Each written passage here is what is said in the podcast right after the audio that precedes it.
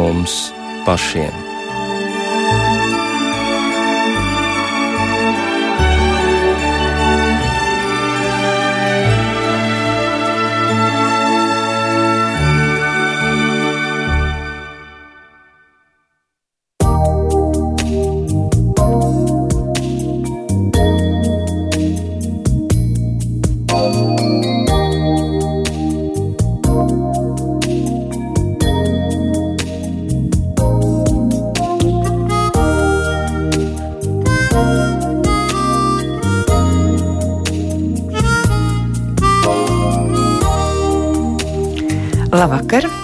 Studijā Rīta Brunēvica.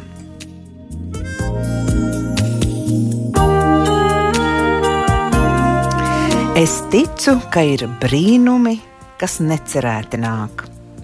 Droši vien atpazināt, tās ir Jāņa Poruka dzīs rindas.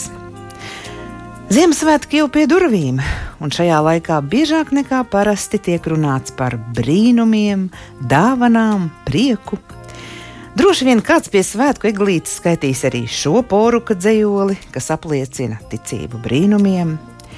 Ko mēs domājam, sakot, brīnums? Tas ir kaut kas pavisam negaidīts, kaut kas tāds, kam grūti noticēt. Gluži kā stāstā par Jēzus piedzimšanu, kad gani naktī Betlēmas laukos sargājot savus lopus, pēkšņi ieraudzīja eņģeļus un dzirdēja vēsti Viņi pieņēma pārdabisko vēstījumu un steidzās uz kūti raudzīt, kas tur notiek. Esmu novērojis, ka cilvēka dabā ir tieksme pēc brīnumiem. Kaut kas tajā, ko mēs nespējam izskaidrot, šķiet pievilcīgs. Vai brīnumu laiks kopā ar Jēzu turpinās vēl šodien? Tāds ir jautājums, uz kuru meklēsim atbildi kopā ar šī raidījuma viesi. Studijā ir Liepājas Svētās Annas evaņģēliski luteriskās draudzes mācītājs Jānis Bitāns. Labvakar!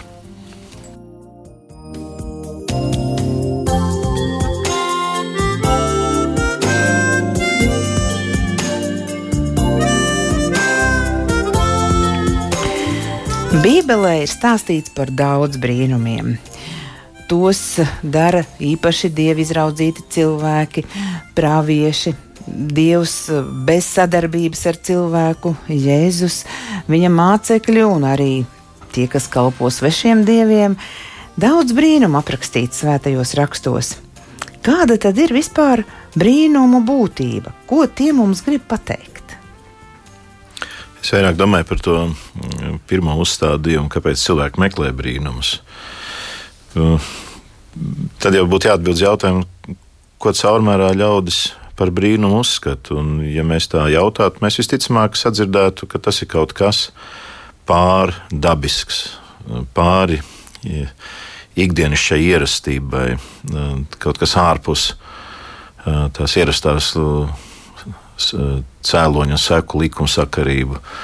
Nu, norises kaut kas, kas iziet ārpus tām taustāmajām satveramajām robežām, kaut kas pārikdienišķs, pārpasaulīgs. Es domāju, ka tas ir tas, pēc kā eh, cilvēki ilgojās eh, ne tikai tā iemesla dēļ, ka, nu, ja brīnums nenotiks, izējas nebūs. Es domāju, ka cilvēki ne tikai ilgojas pēc brīnuma vai kaut kādām pārdabiskām izmaiņām, grūtību brīžos, bet cilvēkā jau ir palikusi kaut kāda vārga atblāzma, uh, no tās nu, pirmvecākiem mantotās pieredzes. Mēs visi esam kaut kādā veidā šajā pasaulē nu, mantinieki daudzām lietām. No vienas puses mēs mantojam nevisai patīkamas lietas, mēs piedzimstam un jau esam nolemti. Es vēl vienās raudzībās neesmu bijis aizgājis ļoti nopietnās Bet es domāju, kā tas ir, kad mēs ar tādu prieku skatāmies uz maziem bērniem, un mēs tur vēlamies visu labu un ilgu mūžu. Bet cilvēks ienāk šajā pasaulē ar kaut kādu mantojumu, jau tas viss beigsies. Jā, nolemti. Tad tu teici, tu jā, domāji, jā, reiz jā, viss beigsies. Jā. Un, Tas tā, tās varētu būt tās lietas, ko ar mīnuszīmēm apzīmēt. Bet tā pašā laikā cilvēki pasaulē, nestoties uz kaut kādu nolemtību, uz kaut kādu ierasto lietu kārtību, kura nav mainījusies paudžu paudzēm, gadu simtiem un tūkstošiem, tomēr kaut kādā veidā ilgojās pēc kaut kā pārpasaulīga. Pēc kaut kā tāda, kas ir lielāks nekā tā satveramā dzīve. Nu, kas ir lielāks vai ilgāks, nu, tā ir mūžība kas ir kaut kādā veidā vēl lielāks, un tas, kas iet pāri cilvēku spēkiem vai iespējām. Un es domāju, ka kaut kādā mērā tas arī ir tāds mantojums, kurš kādā cilvēkā nu, ir tāds dusošāks, citā ir aktīvāks. Es atceros savus garīgos meklējumus. Es vienmēr esmu ar tādu dziļāku interesi, piemēram, nekā mans brālis, ar kuru mums ir tikai gada un trīs mēnešu starpība. Uh, viņš nebija tā uz tādām garīgām lietām, tā, tā tendēts. Uh, viņš brīnījās, ko es daru pie, pie hatha jogas. Tur viena trenere viņš teica, ko es daru pie tiem krišnītiem. Viņš teica, kāpēc lasu tādas grāmatas, un viņš krāja magnetofonam un citām jauniešu lietām. Uh, bet kaut kādā mērā visi jau kaut ko ilgojās. Viņš jau var atrast dievu savā dzīvē, un pa īstam, nopietni un dziļi. Eh, es domāju, ka tas arī ir tāds mantojums. Mēs visi esam Ādama un Ievas bērni, un cilvēkā ļoti neapzināti eh, ir tā atbalsts no tās pasaules, kur ir brīnumaina, bet kur tā brīnumainā, tā ļoti svētlaimīgā dzīve ir norma. Un tad, nu, kā nu, tas, manuprāt, katrā dzīves situācijā kādam parādās. Tā ir tāda nojausma katrā Jā, cilvēkā. Katrā cilvēkā, es domāju, ir kaut kāda nojausma. Taču baznīcas tēva neviens vien dažādās parafrāzēs ir lietojuši to apzīmējumu, nu, kamēr mana dvēsele neatradīs mieru tevī, kungs, nu, viņi tā arī nenorimsies. Viņi kaut ko meklēs, viņi ar kaut ko mēģinās to dieva tuvumu, to vis, vispārpasaulīgāko, kas var būt, visneaptveramāko, vislielāko, visnoslēpumaināko un vispievilcīgāko. Dievu mēģinās atrast kaut, kā, nu, kaut kur citur, kaut kādās citādās Jā, es, formās un veidos. Tieši domāju, tu daudz runā ar cilvēkiem, tev senāk kontaktēties, pie tevis nāk prasīt padomu un palīdzību. Kā tu esi mm, uztvēris? Kas tieši, nu, ko cilvēki tieši domā ar to, kas tos brīnumus dara? No, no, kas, kas to veids visu? Vai tur tas spektrs ir tik plašs? Nu, tiksim, ir viena tāda cilvēka auditorija, kuri slimā ar tādu slimību, kur ļoti skaisti skan Eh, Krievlodā latviešu tas tulkotos kā brīnummānija, čudomānija. Tāda, ka ir cilvēki, kuriem gribās, ka viss sakrīt, viss sanāk kaut kādos datumos, ciparos, kaut kādās situācijās, un tas viss ir kaut kāda augstāko kosmisko saprātu izplānots. Un es līdz ar to eju pa kaut kādu dzīvi. Kādreiz tas ienāk arī nu, baznīcā, ka gribās tur redzēt, nu, katrs vienkāršs dieva svētītas situācijas, kaut kāda milzīga atklāsme. Tas tā, man liekas, ir klīniski. Nu, es tā domāju. Mhm. Tur kādreiz tie cilvēki ir jāpiezemina. Es domāju, ir cilvēki, kas māca saskatīt mm, tādus brīnumus mazās lietās, nenomazinot to nozīmi un arī nu, nepārspīlējot.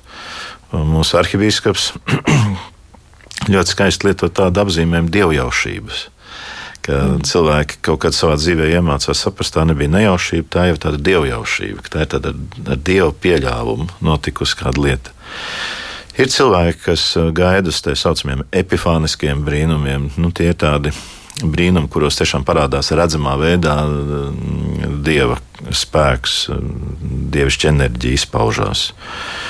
Nu, tas kādreiz ir tajos ļoti grūtajos dzīves nu, nu, brīžos, kad cilvēki ir konstatējuši neglābjamu slimību. Nu, tas ir ļoti bieži ar to nāks sastapties. Tās ir kaut kādas ļoti sarežģītas dzīves situācijas, piemēram, attiecības ir uz iziršanu, varbūt ilglaicīgas un kaut kādas labas attiecības.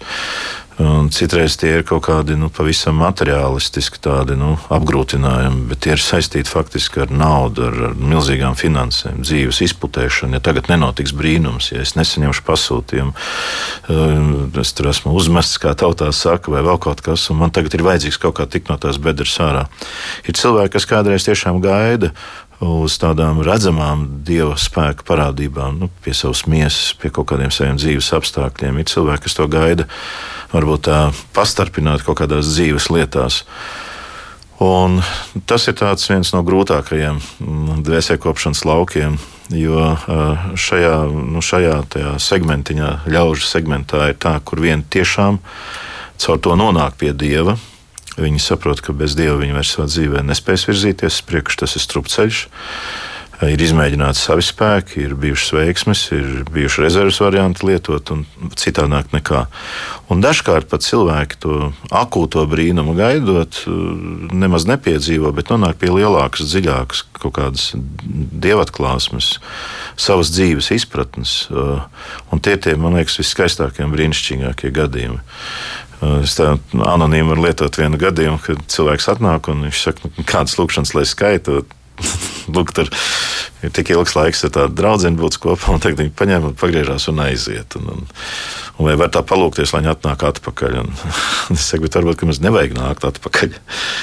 Nē, nē, tur jau tā, tas uzstādījums ir tāds, bet iet laiks kaut kā, un cilvēks pat nenojauš, ka viņam būs cita laulība. Viņš pat būs spējīgs adaptēt bērniņus blakus līdzās savējiem.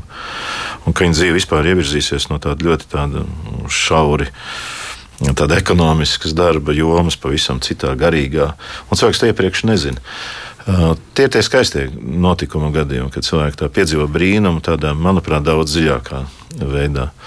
Uh, Bet ir cilvēki, kas piedzīvo tās epifāniskos brīnumus. Nu, protams, ka katrā draudzē, nu, tādā nopietnā baznīcā, kur cilvēki lūdzās, ir lietas, kur cilvēki var dot liecību par brīnumiem. Tādus arī zinu. Dažādi, kā ar tiem desmit spitālīgajiem. Ir cilvēki, kuri to piedzīvo un vienmēr novērtē kā tādu ticības stiprinājumu, dieva atbildi. Un ir cilvēki, un tieši pie šiem nu, redzamajiem brīnumiem, nu, kad veselība visbiežāk saistīta, viņi mēdz aizmirsties.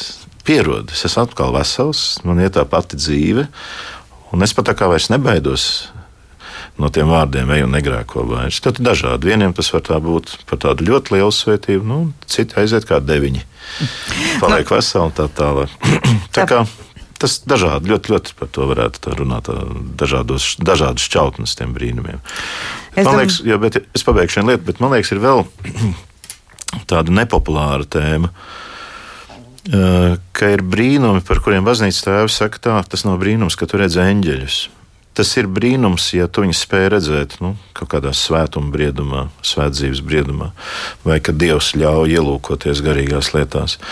Bet tas parasti ir kaut kā rezultāts visbiežāk tādas dieva žēlstības. Nu, sākumā tika pieminēti tie ganiņi. Nu, vienkārši viņi bija nomodā, viņu acis bija vaļā, citi tajā laikā gulēja. Un pie viņiem parādās eņģeļa debesu draugs. Viņi pavēstīja, kas šonakt ir piedzimis, ka pasaulē nācis pestītājs. Tā jau ir tāda dieva rīcība, nākšana pretī. Un baznīcas tēvs saka, šis brīnums patiesībā nav tik liels redzēt eņģeļus kā piemēram ieraudzīt sevi pa īstam, ieraudzīt savus kaislus, ieraudzīt savus grēkus, pa īstam ieraudzīt to savu garīgo geogrāfiju, kur un kāds es atrodos šajā dzīvē. Dievu priekšā, tuvāko cilvēku priekšā. Maznīcā saka, tas ir vislielākais brīnums, jo tad, kad cilvēks to ieraug no tās vietas, viņš vislabāk var sākt pavisam citādāk maršrutēt savu dzīvi. Jā, par šo vislielāko brīnumu es vēl gribēšu parunāt, bet eh, tā kā tiešām jau pēc divām dienām ir Ziemassvētku vakars, tad cilvēki dosies uz dievnamiem un interesanti, ka kādi to brīnumu tur nu, saredz, sadzird, saklausa, kaut kas viņu dzīvē mainās, un, un kādiem tas ir pilnīgi neitrāli, tikai tāda tradīcija. Kā tas, kā tas ir, kad uh, kādi tic un kādi tomēr netic tam? Man liekas, ka Ziemassvētku vakara dievkalpojuma apmeklēšana sabiedrībā varbūt, kur nu, nu, tā, iedomāsimies tādu utopisku situāciju, lai gan tādas ir bijušas, ka sabiedrības vairums nu, ir piederīgs kādai baznīcai. Ka caurmērā svētdienās nekas nestrādā. Cilvēks staigā tādā savādā modē, apģērbos, bet viņiem tas ir tik ļoti pašsaprotams. Viņiem daudz citas lietas ir ļoti pašsaprotamas. Un tas, par ko mēs šodien sakām, ka tā ir norma, tur kaut kādu laiku atpakaļ, gadsimts šausminās. Nu, kā tā var un kā zeme nes tādas un tā tālāk. Uh, tad, tad teiksim, tā ir viena situācija, ko var skatīties. Cilvēki iet un, jā, un pamana, ka šie iet tā formāli. Mēs esam laikam tajā situācijā, ka mums ir jābūt priekam par tiem, kas pat formāli iet. Uh, es to saku ar tādu nu, smaidu, bet ar tādu dziļu iekšēju tādu, nu, bažīgumu.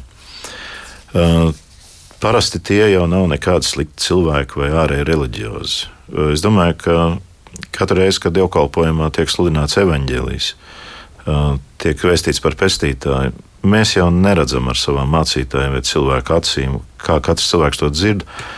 Un kā šī sēkla iekritusi, kuram cik ilgā laikā izdīgs. Tāpēc tas jādara pēc labākās sirdsapziņas. Uh, var, protams, uh, norādīt uz to, ka tas nebūtu īsts un dziļš ticības piedzīvojums, ja tas notiek tā ļoti reti. Un ka tas vairāk un drīzāk ir laikam tāds nu, vairāk emocionāls piedzīvojums nekā garīgs.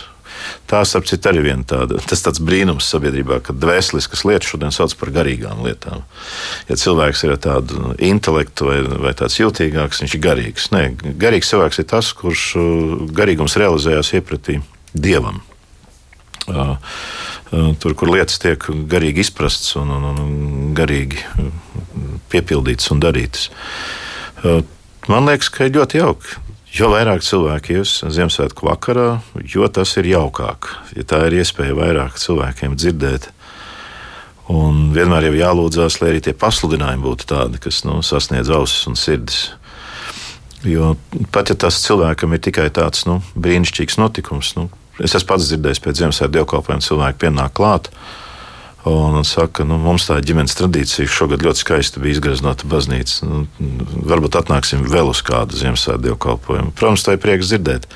Bet tajā pašā laikā jā, nu, arī var saprast, ka tā ir tāda. Nu, Mums tas ir ierasts, un mēs īsti bez tā vairs nevaram iztikt. Mums kaut kas trūks tieši tādā emocionālā plāksnē. Mēs viņus neizdzīvosim līdz galam, ja mēs te kopā nebūsim. Tāpat kā ja nebūs piparkūks, tāpat kā ja mēs visi nesabrauksim kopā tajā vakarā, tāpat kā daudz kas vēl cits ļoti mīļš un jauks nebūs, nebūs šis, tie nebūs tādi līdz galam, tā kā vienmēr skaistie Ziemassvētki. Uh, bet es nedomāju, ka es šodien uh, teicu paldies arhibīskapam tieši pirms 26 gadiem viņš man iesvētīja mācītāja amatā.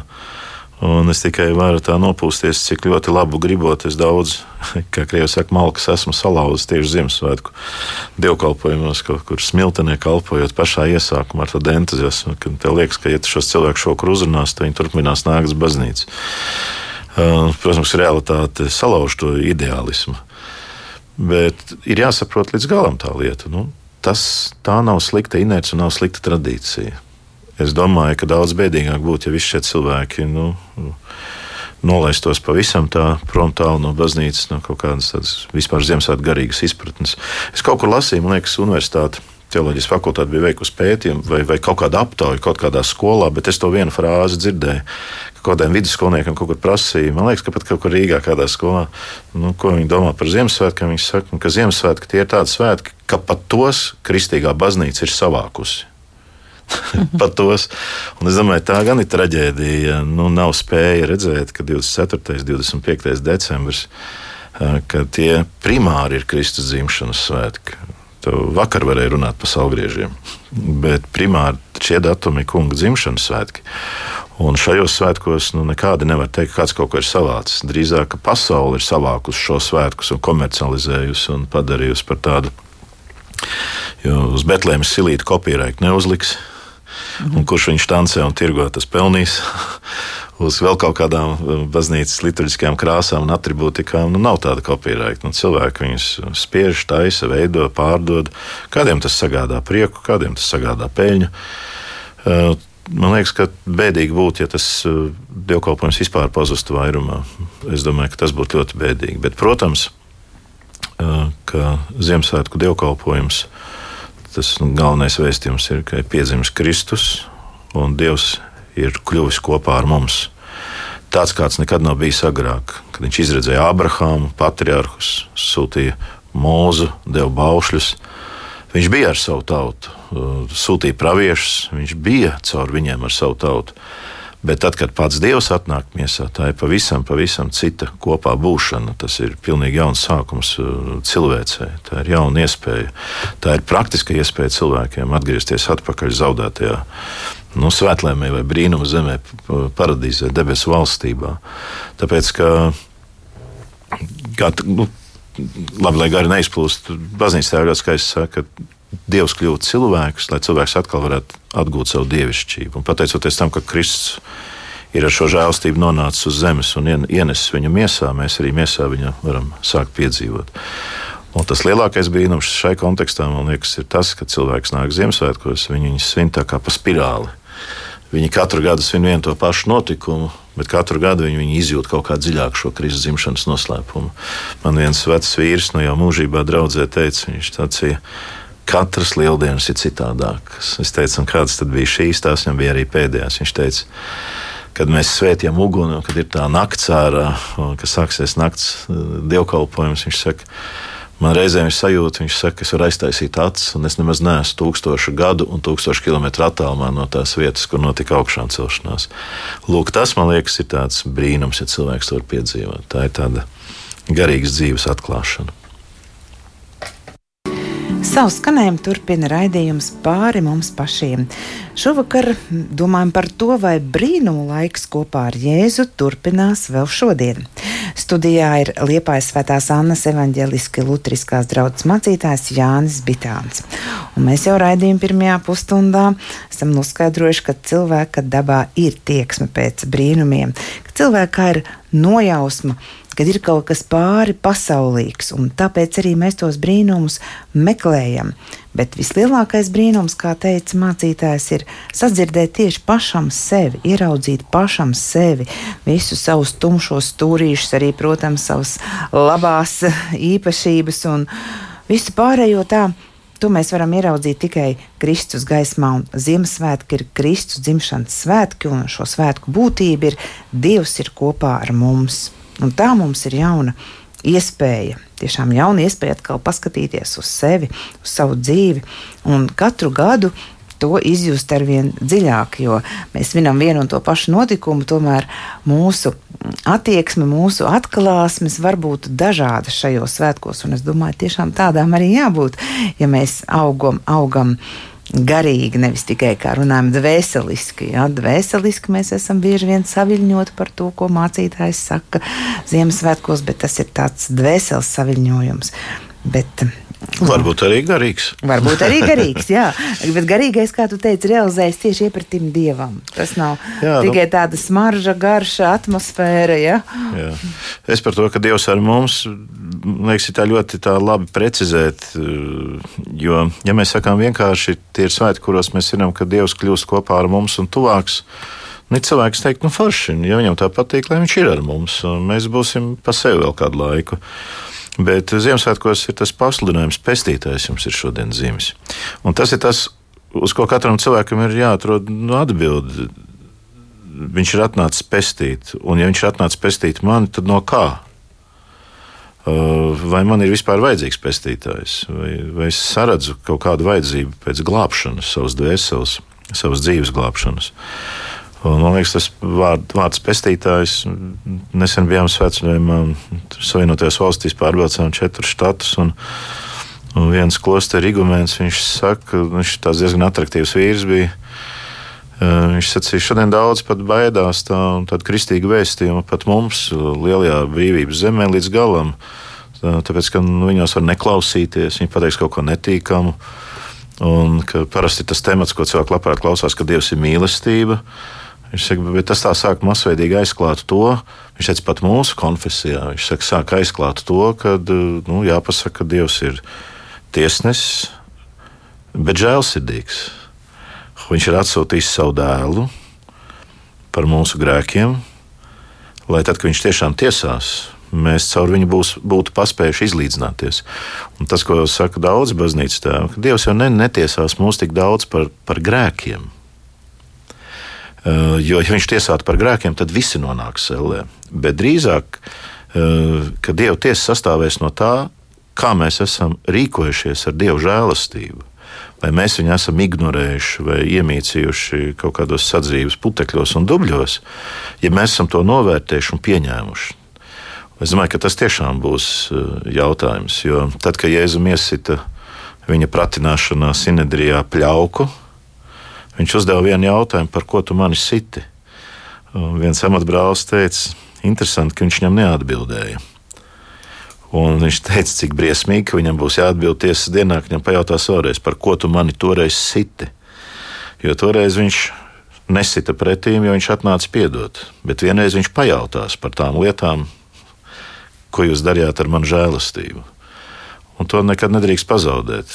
Tas ir tas taisnības un žēlastības tajā līdzsvarā, tajā, tajā svarkausos guļ. Atceros, viens pasniedzējs savā laikā teoloģijas fakultātē teica, viņš teica, ja mēs runāsim tikai par dieva likumiem un taisnu sodu, viņš būs tāds ļoti bargs. Un, tā, viņš bija no ārzemēm, viņam bija tāds akcents. Viņš teica, bet, ja mēs runāsim tikai par dievu mīlestību, viņš būs ļangans. mēs visi tā smējāmies. Bet viņš pateica ļoti precīzi to, kā kādreiz cilvēki par dievu izturās. Paniski baidās, vai viņš ir tāds ļangans, viņam ar viņu var nerēķināties. Un tad dzīve ir jādzīvo, ar dievu ir jādzīvo tādā nu, dzīvā saitē. Atgriežoties pie brīnumiem, ja es savā dzīves laikā darīju daudz brīnumu, pārsvarā jau dziedināju Un tas arī cilvēkus nu, uzrunāja, jo viņi sekoja viņam lielā pulkā. Kā tas ir šodien? Vai tas brīnumu laiks vēl joprojām ir? Tie paši brīnumi notiek? Svētajā rakstā ļoti skaidrs saka, ka Jēzus Kristus tas pats vakar, šodien un tas pats mūžīgi. Tur nav izmaiņas. Un, man liekas, ka kādreiz Tā ir tāda sektantiska domāšana, ka cilvēki attaisa apakstuļu darbus vai evaņģēliju, un viņi skatās uz to brīnumu koncentrāciju, kas tur ir. Viņi saka, kāpēc šodien tā nenotiek? Nu, kādā mūsu ciemā, mūsu pilsētā vai vēl kaut kā. Bet pieņemsim saprast, ka toreiz visa kristietība ir tur tajā vienā mazajā reģioniņā.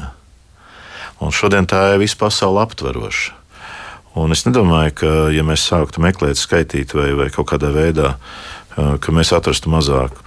Nesen bija vienā svētvietā, kur cilvēki ļoti labprāt apmeklē tieši lūdzoties tādu lielu dievu žēlastību. Un tieši priekš ģimenes, tieši priekš uh, laulātiem, par bērnu svētību. Cilvēks ļoti cīnās par bērniem, ļoti apmeklē. Un tad, kad es tur biju, tur stāvēja tādas divas biezas grāmatas. Tie bija tie, bija, tie, tie bija tie cilvēki, kas bija saņēmušies atbraukt, pateikt paldies un uzrakstīt, kā Dievs viņiem ir atbildējis, kā Dievs viņus ir svētījis.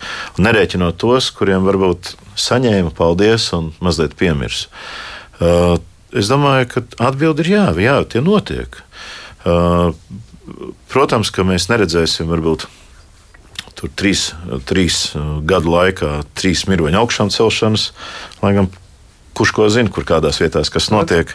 Eh, bieži vien tie lielie brīnumi notiek tādās eh, vietās, kur, nu, kur kristiešiem ir eh, grūti vai, vai slikti klājās. Tur kādreiz tie brīnumi vislielākie. Un tur, kur ir tāda ārēja brīvība, tur kādreiz ir tā uzcītība pazuda. Kopā ar to arī pazuda daudzas tādas epifāniskas. Jā, tiešām par to arī liecināja brālis Juns no Ķīnas, ja, kad, kad arī bija šeit radio. Un, un tiešām, jo vairāk viņus apspiež, jo vairāk viņi arī piedzīvo tos brīnumus. Savā laikā Gregors skolā, kad nācās strādāt, brauc Norvēģi misijas austrumos pārstāvi dažādi. Atceros, bija viens lutrāņu mācītājs atbrauc, viņš sacīja, nu, ka bija misija. Tur, es jau piemirstu, kādās arābu valstīs, bet nu, viņi tur nevarēja braukt kā misionāri. Viņi brauc tur kā kaut kādi botāniķi, kas kaut kādas tauriņas vāc un tārpiņas visādas nu, kolekcionē.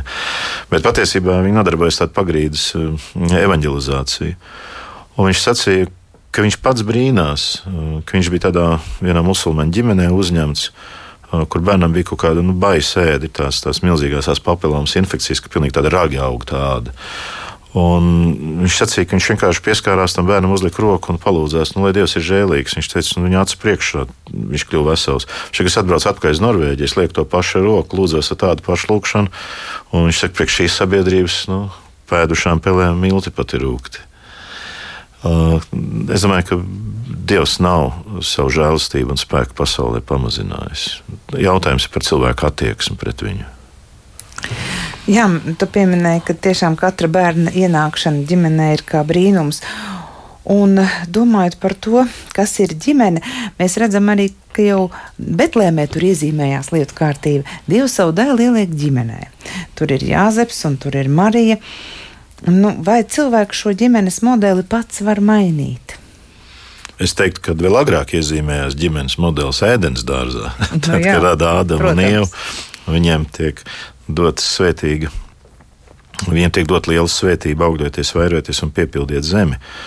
Un, ja, ja grēks nebūtu tos ceļus sajaucis, pat kādreiz grūti iedomāties, kāda izskatītos pasaule šodien un kāda būtu visas tādas dievišķās ieceres attīstība un izaugsme. Jo Ādams jau var, mēs jau redzam tādu zinām evolūciju. No sākuma Ādams tiek radīts un viņš visu saņem gatavu. Un Dievs kā tāds mīļš tēvs, viņš redz, ka Ādams vēl nav piedzīvojis vienu citu svētlēm. Kā tas ir, ka tu kaut ko gribi, un arī tad es varu iedot. Ne tikai ievest gatavā. Un viņš tā pedagoģiski liek viņam uh, visu dzīvo radību saukt vārdos. Viņš atrod, ka visi pa pāriem, un viņas ir iezogas ilgas. Viņš grib sev līdzīgu redzēt. Un Dievs viņu novēc līdz tam brīdim, kad viņa no sirdī tad vilšas vai nevilšas ir tāda mēma lūkšana. Es neatrodu sev līdzīgu. Viņš ilgojās. Un tad Dievs viņam rada nākošo savu tādu mīlestības atklāsmi. Viņš saka, lūk, kā ir, kad es atbildu uz to, ko tu vēlies. Un tur jau bija vēl daudz kas paredzēts. Nu, tā kā nu, mistiķi baznīcas tēvi, tādi, kas ir aizdomājušies par šīm lietām dziļi un, un, un nopietni. Viņi saka, pat, pat Sātans nāca čūskas izskatā. Kāpēc? Nu, tāpēc, ka Ādams bija ar varu pār visiem dzīvniekiem. Un viņš kritiski eņģeli varēja uzvarēt, jo viņš bija ierobežots. Dievs viņu bija ierobežojis tajā veidolā. Un tā būtu vēl viena Ādama svētlēmas pieredze, ka es ar Dievu doto autoritāti sargāt šo dārzu. Viņu var nosargāt. Un mēs varētu nu, aizdomāties šovakar vēl un vēl, un kāda izskatītos pasaule, un kad cilvēki vai piepildot pasauli būtu eņģeļiem līdzīgi. Un kas tad bija tas pats, pats augstākais un tālākais? Par to ir ļoti daudz skaistas atziņas, un tas ir cits raidījums un cits temats. Ārkārtīgi interesants. Jo man liekas, daudziem kristiešiem tas paver vispār viņa ticības tāds horizons daudz, daudz plašāk. Ka mēs sevi redzam tiešām mūžības kontekstā, nevis utilitāri tos brīnums tikai kaut kur šeit mums vajag. Bet par to piedzimšanu, jā, protams, tā ir tāda, tā ir, protams, brīnumaina ģimene. Jāzeps ir sadarināts. Šodien arī sprediķī to pieminēja. Ir tēvi, kas saka ļoti tādu skaistu atziņu. Saka, mēs sakām, Dieva dēls, kurš mūžīgi ir izējošs, dzimstošs no tēva, kuram nav mātes. Bet tad, kad viņš ir uz zemes, viņam nav miesīga tēva. Un viss jau viņa nākšana ir viens brīnums. Un, uh, tad, kad mēs palūkojamies uz to Betlēmas mm, austrumu gudro gala mērķi, ka viņi pavisam neapmulst, ka viņi ierauga bērnu, Mariju, un viņi neredz nekādu izcilību, uz ko it kā varētu zvaigznes norādīt. Un tas viņiem netraucēja zemoties. Uh, Eh, nolikt eh, dārgas dāvanas viņa priekšā, jo viņi redz cauri tam dziļāk. Eh, viņu kaut kādi iepriekšējie garīgie meklējumi un pasaules lietu izpratne novedusi viņus līdz Kristum. Un atpakaļ viņi iet pa citu ceļu. Ne tikai lai Herodam neparādītos, bet principā arī garīgā nozīmē. Viņi mājās vairs neiet pēc zvaigznēm, viņiem ir pilnīgi cita atklāsme. Tagad viņi zinās, pie kā vērsties un pie kā meklēt atbildes uz jautājumiem. Jā, tā ģimene ir tā kā ģimene. Tur ir sadarbinātais līgavainis, kurš ir pārsteigts, ka pirms viņa nāk kopā, viņa jau ir mācīts cerībās, un eņģēlis viņu mierina, skaidri atklājot, ka tas ir Dieva nodoms. Un viņš jau piedzimst, redz no mazotnes tēva galdnieka rokas, rūpes. Bet tad nāk arī tas brīdis, kad 12 gadu vecumā viņš paliek templī, nevis pazūd, bet paliek. Tā ir tāda cilvēku uh, priekšstats, ka viņš ir pazudis. Un tad nāk tas brīdis, kad viņš saka, vai jūs nezinājāt, ka man ir jādarbojas savu tēva lietās. Un tas jau ir kaut kas tāds, ko viņš saka iepriekš, nu, tādu nepiedzīvot. Un ka arī patur visus vārdus savā sirdī. Bet jā, viņš ienāk pasaulē nu, ģimenē. Tas jautājums bija ar akcentu uz kaut ko. nu jā, ir jau tā, ka cilvēki šo ģimenes modeli pamazām sāk mainīt. Nu, tu, tur jau var arī nebūt tēvs un māte, tur var būt divas mātes, divi tēvi. jā, es kaut kur skatījos, tagad, cik ir tas oficiālais dzimtu skaits. Tur ir divi cipari skaitlī jau ir ieiet iekšā. Tur jau ir Es te nesen runājos, man ir tāds viens cilvēks, kas bērēs mazliet piespēlē, viņš mīl joks. Mēs ar viņu aizrunājāmies mazliet pēc vienām bērniem. Tur bija tāds joks, ka, ka bērns atnāk no skolas un prasa, kas ir transvestīts. Viņš dzirdēs tādu vārdu. Un, un tēvs saka, aizej papras mammai, viņš tev pateiks. Tas, nu, tas smieklīgi, eh, ja nebūtu tik bēdīgi. Eh, nu, vienreiz jau ēdienu kārtu izmainīja ēdienas dārzā, un viss sabruka. Es domāju, ka katru, katru reizi, kad cilvēki maina dieva iedibināto lietu kārtību, es nerunāju par kaut kādām pakārtotām lietām, kas ir kaut kur kultūra vēsturiski veidojušās, kā, bet tieši dievu iekārtotām. Nu, ir bijuši mēģinājumi upes pagriezt atpakaļ, gravitāciju mainīt. Nu, visādi fantastiski eksperimenti bijuši pasaulē, kur nu, cilvēks pāri par radību. Kopš Žēkā Krišņans viņš nestāv pāri radībai. Viņš ir diezgan lielā stresā ar radību, gan kustīgo, gan nekustīgo. Ne zeme vairs ņem labi izdod augļus, ne zvēri vairs uz vārdu klausa.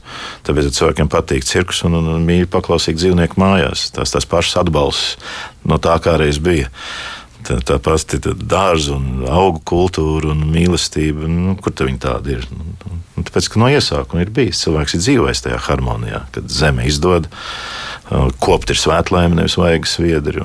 Kad ar dzīvniekiem tev nav jādzīvo kā ar ienaidniekiem. Tas jau viss tāds tiešām brīnums ir bijis. Brīnums kā norma. Bet es domāju, ka te, jā, protams, uz Betlēmu lūkojoties, var pateikt, nu, Dievs skaidri vienkārši parāda, ka viņš ienāk tur, kur ir Jāzeps un Marija, un tur nav nekādi izņēmumi. Domāju, ka tas nodara lielu ļaunumu. Katra grupa mēģinās uh, savu ideoloģiju aizstāvēt ar kaut ko. Uh, tas savā laikā atceros kaut kādas sabiedrības integrācijas birojas vai kaut kas tāds. Pirms daudziem gadiem Rīdzenē rīkoja tādu konferenci tieši par šo tematu, kā mainīt ģimenes modeli. Mūsu mīļākais arhibīskaps bija uzaicināts kā viens no runātājiem. Viņam bija pretīm tur vesela tāda liberāli noskaņota, viena otru runātāja pat agresīva, ar pilnīgi citu. Tas, tad, viņš tur viens ir nolasījis savu referātu. Un, Un tad pārējie referāti bija tādi, nu, faktiski tādi uzbrukumi. Toreiz bija cienījamais kardināls Pujāts, arkibīskaps mēģināja runāt par, par dvīņiem, nu, kur viņi tomēr ir dažādi. Tās ir hipotēzes. Mēs nevaram balstīties uz tiem apgalvojumiem, kā uz pierādījumiem. Hipotēzes ir, bet nu, tāda. Praksa kādreiz nu, praksē neiztur kritiku. Un tur visu laiku bija tā galvenā diskusija, vai tas ģimenes modelis mums tā ir iestelēts, tas vīrietis, sieviete, tēvs. Uh, Uh, vīrs, sieva. Jeb tur kaut ko var mainīt. Un, un tad visu laiku bija tā cīņa, ka ne, tas var iedzimt, to var iegūt un tā tālāk. Un tā tālāk. Un es atceros, ka kardināls pujāts izmisīgi cēla roku. Un tā, tā konferences vadītāja tā mazliet atstāja. Viņa laikam beigās apžēlojās un iedeva pašā beigās. Un kardināls pujāts pašā beigās pateica, no, nu, ar tām lietām ir tāpat kā ar alkoholismu. Iedzimts vai iemantots ārstēt vajag abos gadījumos. Jāni, tu raidījuma sākumā teici, ka ir cilvēki. E, nu, tavā pieredzē ir tā, kas e, saka, nu, ja tikai Dievs paveiktu kādu brīnumu vai kādu zīmi, es noteikti tad viņam ticētu. Nu, varbūt tiešām, ka ticība varētu būt balstīta uz kāda brīnuma piedzīvojumu. Jā, e, ir cilvēki, kas savu ticības dzīvi ir sākuši ar tādu lūkšanu. Nu, Dievs, ja tu esi, un tad ir bijis kaut kāds tāds Un tad, kad tas tad ir piepildījies, cilvēki tiešām uz, uz to atsaucās kā uz tādu pamudinājumu un ieganstu. Tā mēdz būt, tā ir, tā notiek. Jo ir cilvēki, kur, kurie, kurus tiešām aizkustina kāda īpaša tāda dieva atklāsme, pārdabiska, pārpasaulīga, pāri viņu pašu spēkiem, saprašanai mēdz gadīties. Jā. Zinu, ka cilvēki nenokļūst uz liktenīga kuģa klāja vai, vai lidmašīnas borta. Uh, ka no vienas puses parasta lieta, ka tu nokavē vai te viss sēdi ārā, vai tev anulē biļeti, vai nu kaut kas pārdabisks. Un, un tad, kad tu redz tās likstas, kas notiek, tad arī cilvēks aizdomājas. Viņš redz, ka tas priekš viņa tas ir brīnums, ka viņš arī tur varēja būt. Bet es domāju, ka tā ir tā, tā, ir tā cilvēku daļa, uh, kuriem kaut kā jau pamata attieksme ir tāda godība pret, kā viņi paši saka, pret kaut ko augstāku. Viņi neblēņojas ar garīgām lietām. Viņi paši netic, bet viņos nav tāda nihilisma pret to. Es domāju, par tādiem ļaudīm un dvēselēm noteikti var teikt, ka brīnums ir gan ticības sākums, gan arī ticības stiprinošs. Bet mēs zinām, ka kungs pats saka, nu, viņš tur pretstata divas ļaužu grupas. Viņš saka, nu, ja pie viņiem, nu, ja pie viņiem būtu notikuši tādi brīnumi, kādas es jums rādu, viņi jau sen būtu maisos, pelnos un atgriezušies no grēkiem. Ar ko viņš saka, ka nu, vislielākie brīnumi nav nekāds iemesls. Mēs ar Čevanģēlijā lasām, ka vieni sāk ticēt, un otrs apspriežās, kā viņu nokaut. Vien tā paša brīnuma, brīnuma rezultātā. Tā kā absurds izklausās. Nu jā, un, un Dievs jau māca. Nu, ja, es domāju, ka ir cilvēki, kuriem Dievs arī nu, neatklāja savu brīnumaino dabu tieši viņu sirds vai attieksmes dēļ. Viņš mums māca nebērt pērles cūkām priekšā, viņš pats neber. un, un, tad kādreiz ir tā, jā, jo, kad cilvēki to es bieži to dzirdu, kad nu, pašam mācījumam reti, ka tā acīs saka, nu, saka tā, ka kāds iedzērs iet tur tā, tā braurīgāk.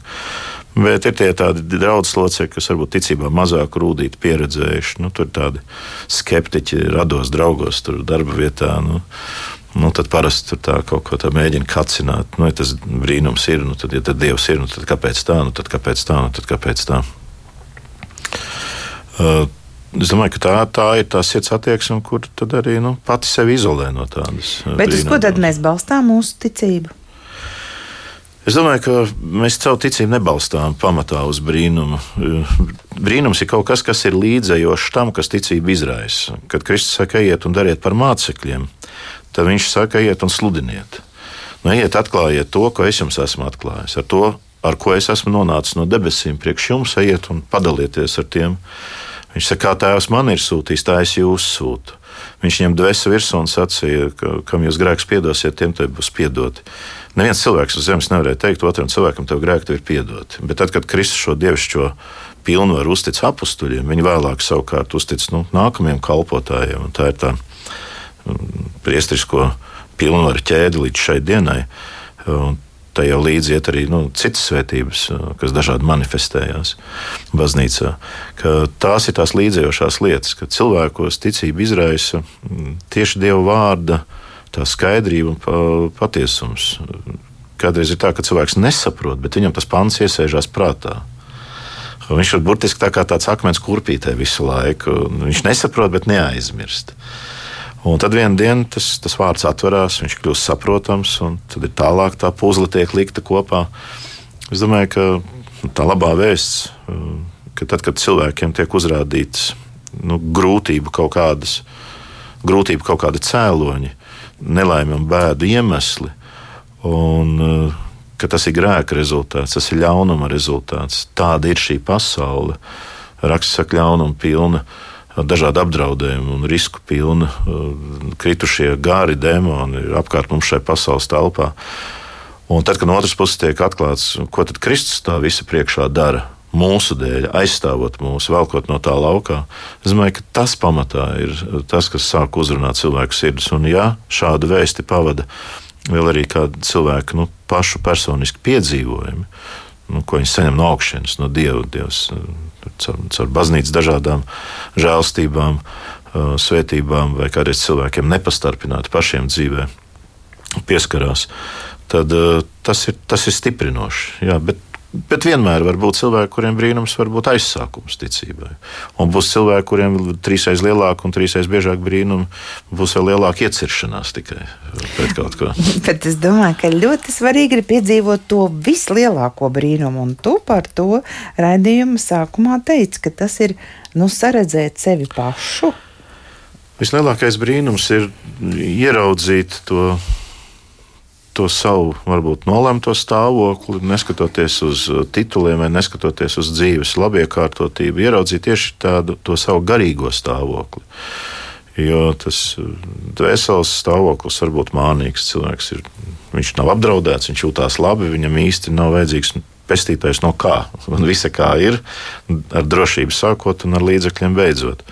Bet tad, kad cilvēks sāk lūkoties uz sevi tādā nu, dieva baušļu, dievu likumu, dievu morāles spogulī.